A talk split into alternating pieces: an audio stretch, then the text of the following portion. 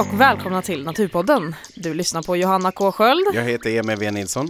och idag ska vi få lyssna på det här. Ja, det här är ju eh, lite special då. Ja, För att det här är ett program som vi kan kalla lite vargsnack. ja just det. Vi Det- har pratat med tre olika personer Mm. om varg. Dels då om varför vargen är rödlistad. Ja, Men sen också med två personer om vad man kan få uppleva i ett vargrevir. Mm. ja det är ja, häftiga saker. Det är mer där- så här personliga upplevelsen av varg om man tycker om att vara ute och gå i naturen liksom. Mm. Vad till för, vad, vad kan man få vara med om på en plats där det finns varg? Just det. Och det är väldigt många häftiga historier tycker jag. Ja. Men och det, det är du som har intervjuat de här personerna. Ja, Ehm, bland annat uppe i Vålådalen då. just det. Eh, där har jag pratat med Henrik Turfjell, Linnea Kjellberg och Johan Månsson. Mm. Vilka är de då? Henrik jobbar på Artdatabanken, han bor här, han bor faktiskt inte så långt ifrån våran studio. Mm. Eh, Linnea bor i södra västra, västra Götaland där hon eh, jobbar som rovdjursspårare. Just det. Så hon jobbar ju konstant med att få vara ute på det som du gör på din Precis!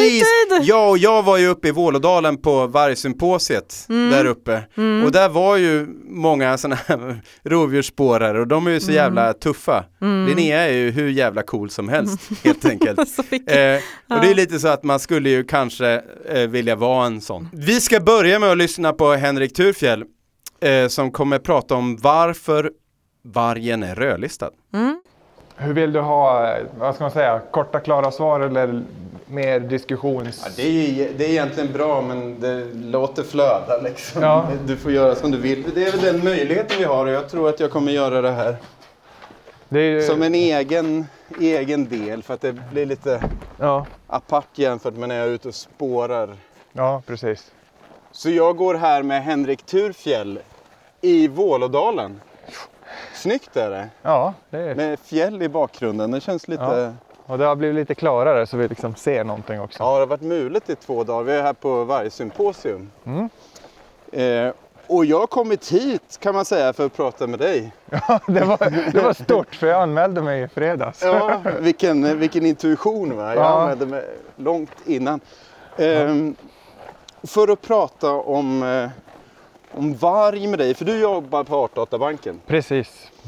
Och vad jobbar du med på Artdatabanken? Jag är eh, expert på ryggradsdjur eller Ja. vertebrater, förutom fiskar som jag Okej. slipper. Jag vill ju prata om varg med dig. Ja, Och det handlar lite om liksom hur, hur det går för vargen i Sverige. För vargen är rödlistad. Ja. Vad, vad innebär det? Rödlistad innebär att den, ja, den är upptagen på rödlistan enligt de kriterier som finns som ska passa alla arter egentligen då. Och rödlistan, vad är det för någonting? Eh, Det är en lista på arter som man bör ha lite koll på eller som är hotade direkt och så vidare. Det är ett, det är ett sätt att eh, det är ett sätt eh, internationellt liksom att hitta de... Okej, så det finns internationella kriterier så att man Ja, gör likadant precis. i alla länder? Och... Ja, precis. Helst. Helst. Och så, Ja. och så ungefär likadant för alla arter också. Så att, ja, men det ska inte skilja så mycket mellan skalbaggen och björnen. Och, eh, alla arter ska ha, liksom, ja, de ska ha liksom lite samma kriterier för att Ja. komma med. Så att man har någon slags jämförelse så att det kanske inte bara blir de tuffa arterna som man pratar om bevarande för, de som är gulliga eller sådär äh, häftiga, utan det blir även de här lite, lite knasiga skalbaggarna och lavarna och sådär som det inte är så många som är lika känslomässigt engagerade i. Det är ett försök att göra naturvården mer objektiv, Ja. om man säger så. Ja, det är väl en ganska bra Kan tanke. man gå bortåt fjället? Vi, vi går till fjället. Vi går till fjälls. Det är bra. Ja, och varför är vargen rödlistad? Eh, det är för att det är mindre än tusen vargar. Ja. Det är, är det mindre än tusen av något så är de rödlistade. Och det, då får man hålla lite koll på liksom. Och det är ju lite sådär populationsgenetisk bakgrund och sådär som ligger bakom siffran tusen. Och det gäller ju då för lavskriker och, och svanar och allt möjligt. Som, Och tusen, då är det tusen individer man pratar om. ja, precis. Och i populationsgenetiken då brukar man prata om effektiv populationsstorlek va? Ja. som, som hård valuta. Va, vad är det för någonting? Ja, men det är hur många genetiska individer vi har ungefär. Och det är ju hur många som kan eh, bidra i populationen till någon slags genetisk varians. De, de som liksom parar sig med varandra och Ja, får ungar. i princip. Precis. Sen kan man ju också se det som att enäggstvillingar är en genetisk individ. Ja, Om man skulle vara inne på liksom, de har ingen genetisk variation mellan sig. Så- nej de är Nej. samma individ. Ja. Det är inte så vanligt bland vargar, kanske? Det vet jag faktiskt inte, det är en bra fråga. De är ju väldigt lika varandra liksom. Eh, Ja. I Sverige då, vargarna. De är ju... Men, men, men om man återgår liksom till vargen, kan man Rödlistan, enligt rödlistekriterierna, så om Mm. det hade funnits mer än tusen vargar, då hade, det, då hade den inte varit med på rödlistan? Nej, precis. eller? Nej. Det. Eh, om den ja precis. Men det är ju, rödlistan är ju, vad ska man säga, den grova sorteringen. Ja. Sen, sen för varg finns det ju en massa mer studier gjorda. Det kanske inte Ja. finns för skägglaven, men för vargen finns det ju där har man ju tittat på genetik och man har tittat, jag vet inte hur många gånger de har räknat ut eh, den sån här minimer, minimum viable population. Det är väl åtminstone två, tre uträkningar. Minsta livskraftiga Population. population. Ja. Så att, och där har man ju kommit fram till en massa olika siffror och, och sådär. Så att den är ju, där har man ju gått in på en noggrannare nivå. Där har man inte nöjt sig med den här äh, grovskaliga eh, testet som rödlistningen då. Ja, är. men vad säger du då? Är vargen hotad i Sverige? Eller inte? Eller det- har den liksom en Som, bra Som- bevarande status? som ekolog så säger jag att vargen har ju gjort en, en fantastisk resa. Den är ju mycket varg jämfört med vad det var när jag föddes för, Ja, för eh, 40 år sedan snart. ja. ja Men- då fanns det ingen varg i Nej, i Sverige? princip inte. Det kom Nej. in någon enstaka i Norrbotten men det var, det var inte mer än så. Ja. Och sen eh, så att eh, det är en jättestor uppgång och eh, de verkar inte vara på väg att dö ut så att säga. Vi ser ju att det har kommit in mer genetiskt material på de senaste åren, vargar från Finland och Ryssland. Ja.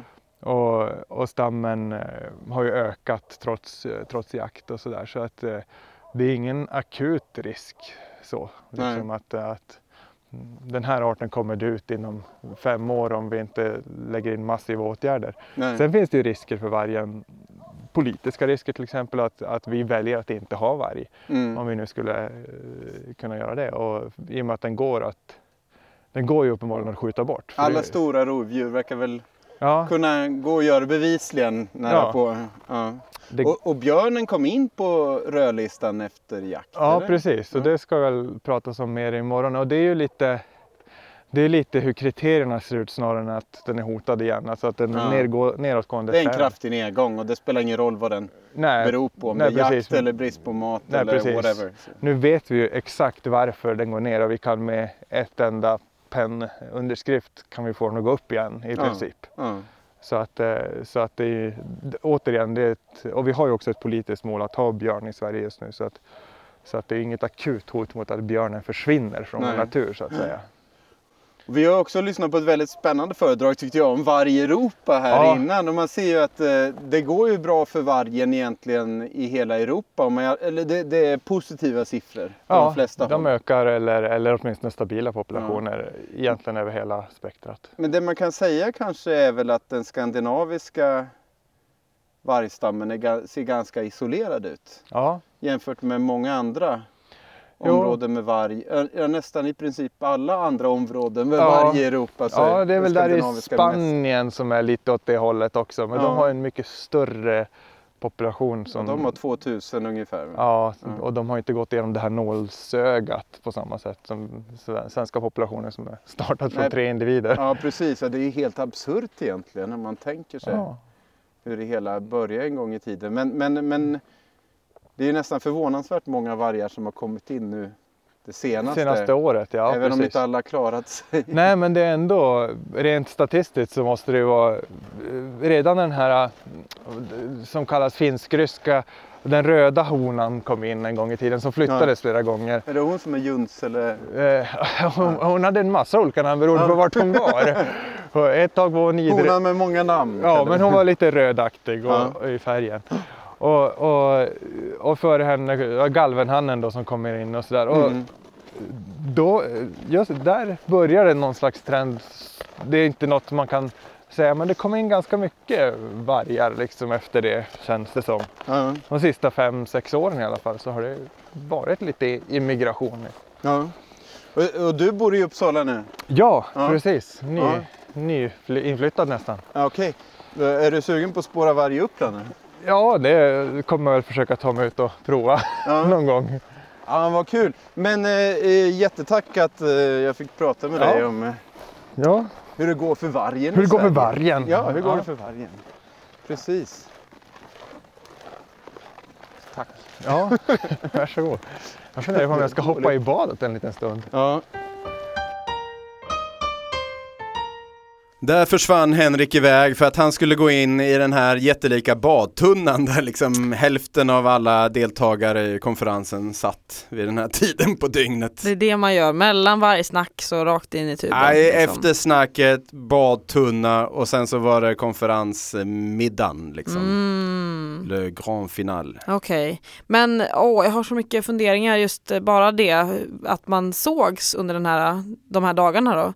Handlar det om just att vargen har gått från att vara liksom hotad till att bli sårbar eller? Nej, det här symposiet har funnits länge, sedan eh, 90-talet och det startades av två entusiaster. Mhm. Men nu har det blivit liksom en, Informations, liksom, en informationsplats. byte, Väldigt ja. många från länsstyrelserna, från eh, olika naturvårdsintressen, Naturvårdsverket, eh, Mm. eh, Jägarförbundet och sådär. Spännande, bra att alla, alltså bra, bra grej låter det som, det behövs. Mm. Mm. Mm. Nej men, men okej, men om vi, jag tänker på just den här siffran tusen då. När det gäller antalet vargar i Sverige just nu så ligger det runt 400 Drygt 400. Någonting.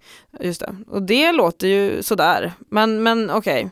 Men de, Det är ju individer då, alltså. ja, Då måste man ju komma ihåg att de flesta utav dem mm, parar ju sig inte med varandra. nej just det. Utan det är ju, det är ju väldigt få eh, som gör det och det kanske är, jag kommer inte ihåg hur många vargrevir det är i Sverige nu, Mm, eh, drygt 20. mm, mm. Där är ju de reproducerande enheterna. Just det, liksom. men de är ganska isolerade från varandra då. Eh, nej, de ligger i stort sett liksom kant i kant med varandra. Det konstiga är att de inte har spridit ut sig mer. Men Mm. vi ska inte fastna i det här för mycket. Nej, det kan man ju utan, det utan det här inte har vi liksom den här basen, att vargen är inte så himla vanlig. Nej. Men det som har hänt nu är att det har blivit ett vargrevir i Norduppland Mm, som delas med Gästrikland. mm, Och det är Glamsenreviret. Och där har jag varit och spårat med Erik Kålström. mm. Men för att liksom håsa upp det här, vi måste ju liksom veta vad man kan få uppleva i ett varg... Ja, har du, du har sett varg många gånger eller? Nej, Nej, du har inte det? nej, jag har aldrig sett varg. Nej. Eh, nu har jag ju varit med Erik och spårat då. Ja, så nu har det. jag spårat varg. Mm, ja. Istället för att jiddra för mycket om det här Ja, så tänker jag att vi ska lyssna på två personer som har fått uppleva mycket om Mm. varg. Och vi ska börja med att lyssna på Linnea Kjellberg mm. som är rovdjursspårare. Eh, Och här kommer hennes berättelse. Var ska vi gå? Man kommer väl inte så långt dit Nej, det kanske? är väg där nere. Kan du säga vad du heter? Jag heter Linnea Kjellberg. Och vad gör du? Vad är Jag- ditt yrke? Jag är spårare Ja. för Länsstyrelsen. Är Ja. jag. Spårare av Rovdjur. Ja.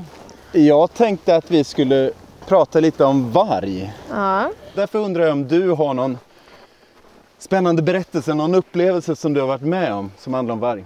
ja, det har jag faktiskt. Det är inte i min yrkesroll utan privat. Så Ja. var jag uppe på gränsen mellan Dalarna och Gävleborg. Ja. Och det var i början av mars. Och då skulle jag Var det ut. nu? nu? Nej, det är för två år sedan Okej, ja, snart. Och då skulle jag ut och spåra varg för första gången i mitt liv. Ja. Så vi tog skotern, lastade av den ifrån kärran. Vi var två personer, jag och min fälttekniker som jag följde med ut. Två år sedan, då kunde det vara, var det mycket snö då? Ja, det var väl ändå skapligt. I Noppikoski så var det ändå 80 centimeter på sina ställen när Ja. jag var där. Så det, Det är snö. Det var skapligt. Nej, så då lastade vi av skotern och så gav vi oss iväg. Och så stötte vi på de här vargspåren och för mig var det så himla stort Ja. att få se. För Är det första gången du... Det är första gången jag ser Mm. ett vargspår. Och sen så märkte jag att oj, ja, det är flera vargar. Det är inte bara en. Ja. Och vi fortsatte åka och sen så helt plötsligt så viker de här spårlöporna av in i skogen. Ja. Så då får vi hoppa av skotern och så tar vi oss resten av vägen till fots. Och det är ganska hög snö, det är runt noll grader, solen skiner, ganska gammal granskog, väldigt kulligt, risigt i skogen och det riktigt så här knastrar under fötterna ändå trots att det var ganska varmt. Mm. Och så märker jag att ja, det är en älg. Här har det jakt. S- Såg du en, en älg eller? vad? Jag såg spår av en älg. Okej, okej. Och du... s- Ah. Så att då, ja, det här är en älgjakt Ja. bedriven av varg. Ja. Så då följde vi efter de Hur många här. vargar var det? Jag kommer faktiskt inte ihåg det men jag vill minnas att det var tre. Ja. Men jag ska hålla det osagt. Men det man märkte under den här farten, alltså förväntan steg ju hela tiden. Oavsett om man tycker om varg eller om man inte tycker om varg så är det väldigt speciellt att få uppleva en spårning. Och att jag då fick se ett jakttillfälle och följa efter det var ju väldigt stort. Och Vad just- hände då? Hur såg man att det var jakt på gång förutom att det var älgspår och vargspår? Lite blandat? Ja, Typ. det var lite, i brist på ett bättre ord, det var lite hysteriskt. Ja. För att det var, gick ifrån väldigt raka, tydliga löpor till att bli krokigt. Man såg att de hade rivit ner snö ifrån grenar. Väldigt mycket upprufsat ris. Och Man kan tänka sig att, att farten har ökat ja, rejält. ja, steglängden ökade ju hela tiden. Det gjorde det? Ja. Och sen så, ja, genom oländiga små buskage gick det också, men det var väldigt lite, liten del av turen. Ja. Och hur gick det då? Blev det någon älg för vargarna? Det blev älg för Det blev vargarna. det? Okej. För vi stötte på, på ett kalhygge sen, ett område där man såg att det var en kamp Ja. och där låg då vad som var kvar av eh, en årskalv. Ja. Så att eh, det var en lyckad jakt för de vargarna. Vad spännande och det måste vara en väldigt spännande liksom första spårning. Ja, det var väldigt, väldigt häftigt. Jag hade inte alls förväntat mig det. Ja. Alltså det var min allra första spårning av varg. Ja. Då gick jag på ett, ett kadaver och fick se allt det här karaktäristiska som man hade läst om i teorin och med pipblödningar och Ja. ja, knäckta Det är ben. när det ligger ganska mycket blod för att de Ja. krossar halspulsådern. Ja, en, en pulsåder i alla fall i kroppen. Ja, ja, Så blir det en väldigt massiv blödning. Så den fick vi skrapa fram ur den frusna marken där då. Så hade du bestämt dig för att bli spårare innan eller bestämde du dig då? ja. Eh, jag bestämde mig egentligen när jag var liten och började följa efter rådjuren ute i skogen. Ja. Att det där var häftigt. Och jag vill jobba med bevarande och så blev jag spårare. Bra val. Mm, det tycker jag med. Rätt. Tack så jättemycket för att du berättade. Och jag tyckte det- det var ju verkligen spännande. Jag hoppas att jag får se några jaktspår någon gång. Det har jag, det har jag inte sett. Jag har bara Nej. sett vargspår en gång. Ja, håll efter, utkik efter markanta avvikelser i din Ja. raka löpa nästa Ja. gång. Så Verkligen. får vi se. Ja, jättetack ska du ha. Tack själv. Där har du fått vara med om något liknande i Värmland. Nej, nej, nej det har jag inte. Nej. Men du skulle iväg till Gästrikland snart. Ja, det är min tanke här Ja, men påsk. då kanske det finns lite snö kvar. Då kanske du har chans. Nej, jag kanske ska... Mm, ja, mm. Men då, och många får ju se varg från bil och sånt där, eller hur? Ja, men annars är det i slutet av sommaren som det är väldigt spännande tid. Mm. Och eh, vi har en berättelse från Johan Månsson som handlar om en sån upplevelse. Den kommer här. Så, ska vi bara se. Så, gå och lägg dig Weston. Så, gå och lägg dig. Nej, stanna där nu. Du behöver inte vara med här. Gå och lägg dig Weston. Kom, kom här. Weston, kom. Jag sitter där hemma hos Johan Månsson som är snickare och spårare. I ditt kök. Ja. Och eh, jag tänkte prata lite om varg. Och eh, vad kan man få uppleva? Liksom, vad har du fått uppleva eh, i ett vargrevir på andra ställen? Vad kan man få vara med om? Man kan ju, ja. Jag vet inte var jag ska börja men man kan ju, man kan ju Det är vara mycket med, alltså? Man kan ju vara med om fantastiska saker. Har du några vargmöte när du har sett varg då som du... Ja, jag, Minst speciellt. ja, jag har ju sett varje ett antal gånger också. Det mest fantastiska tillfället var, det, det var också i Västmanland där jag jobbade. Och då, det var en sån här rendezvousplats. Det var också då i september tror jag det var.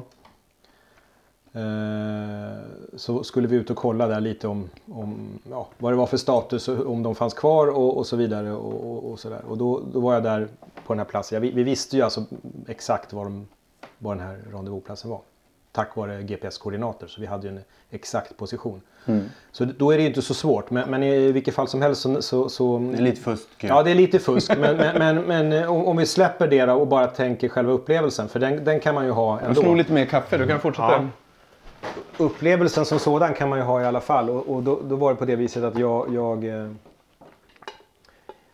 jag gick ut, jag åkte bil ut i skogen, gick, eh, gick någon kilometer till, till den här platsen och satte mig i en liten myrkant under en stor gran. Eh, och det här var sent på eftermiddagen. Och, eh, och bara väntade för jag tänkte jag skulle få, få, få, få se eh, någonting då. Och kanske flera stycken eller kanske hela flocken rent av. Och då eh, satt jag och så började det skymma då sakta men säkert och så började jag höra då eh, lite ljud. Eh, alltså valpar som håller på och bjäbbar och gnafsar och grejar och låter. Ja, som hundvalpar eller som hundar som bråkar lite sådär. Olika ljud.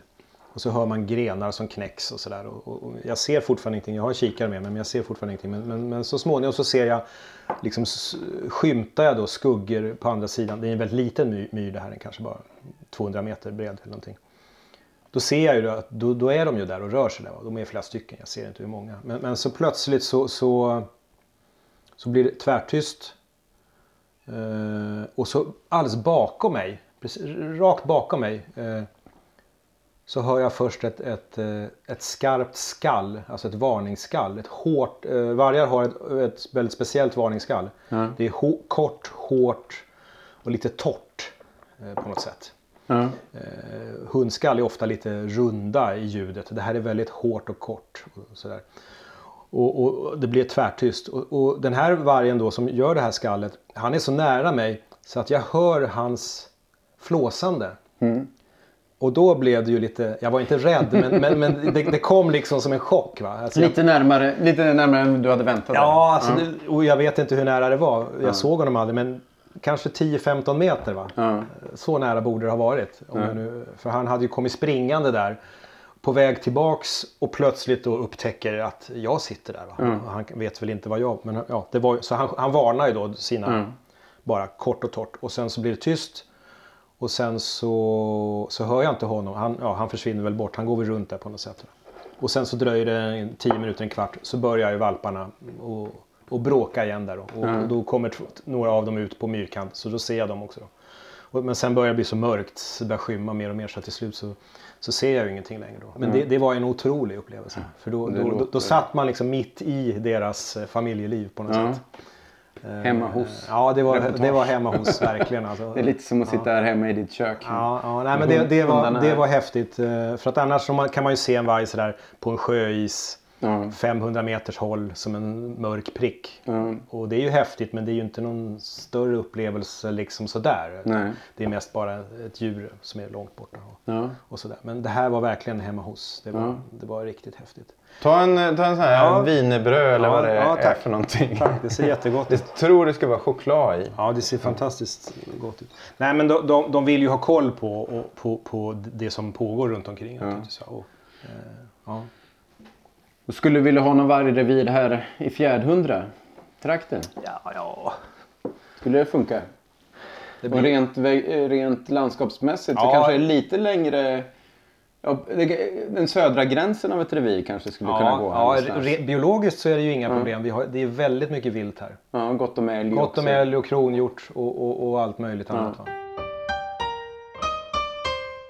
Ja, så det är någonting i den här stilen som eh, eh, jag och Erik Kohlström eh, hade liksom Ville vara med om Det var det vis. vi ville vara med om, precis.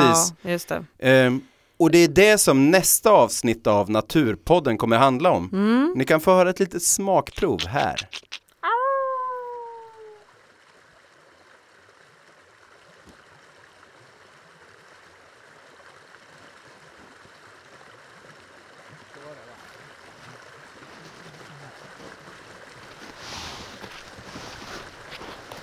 Har de hoppat över den lilla, lilla, lilla forsen.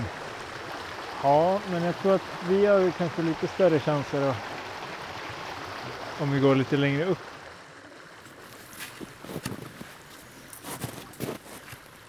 Någon av vargarna, för vid det här laget är jag ganska säker på att det här är varg. Ja. Någon har stått här med sina jättestora tassar och bara krafsat och sprätt som en jordfräs och liksom kört upp ett, en hög med, med eh, strån och mossa och fnas liksom eh, sprayat ut över en ganska stor yta.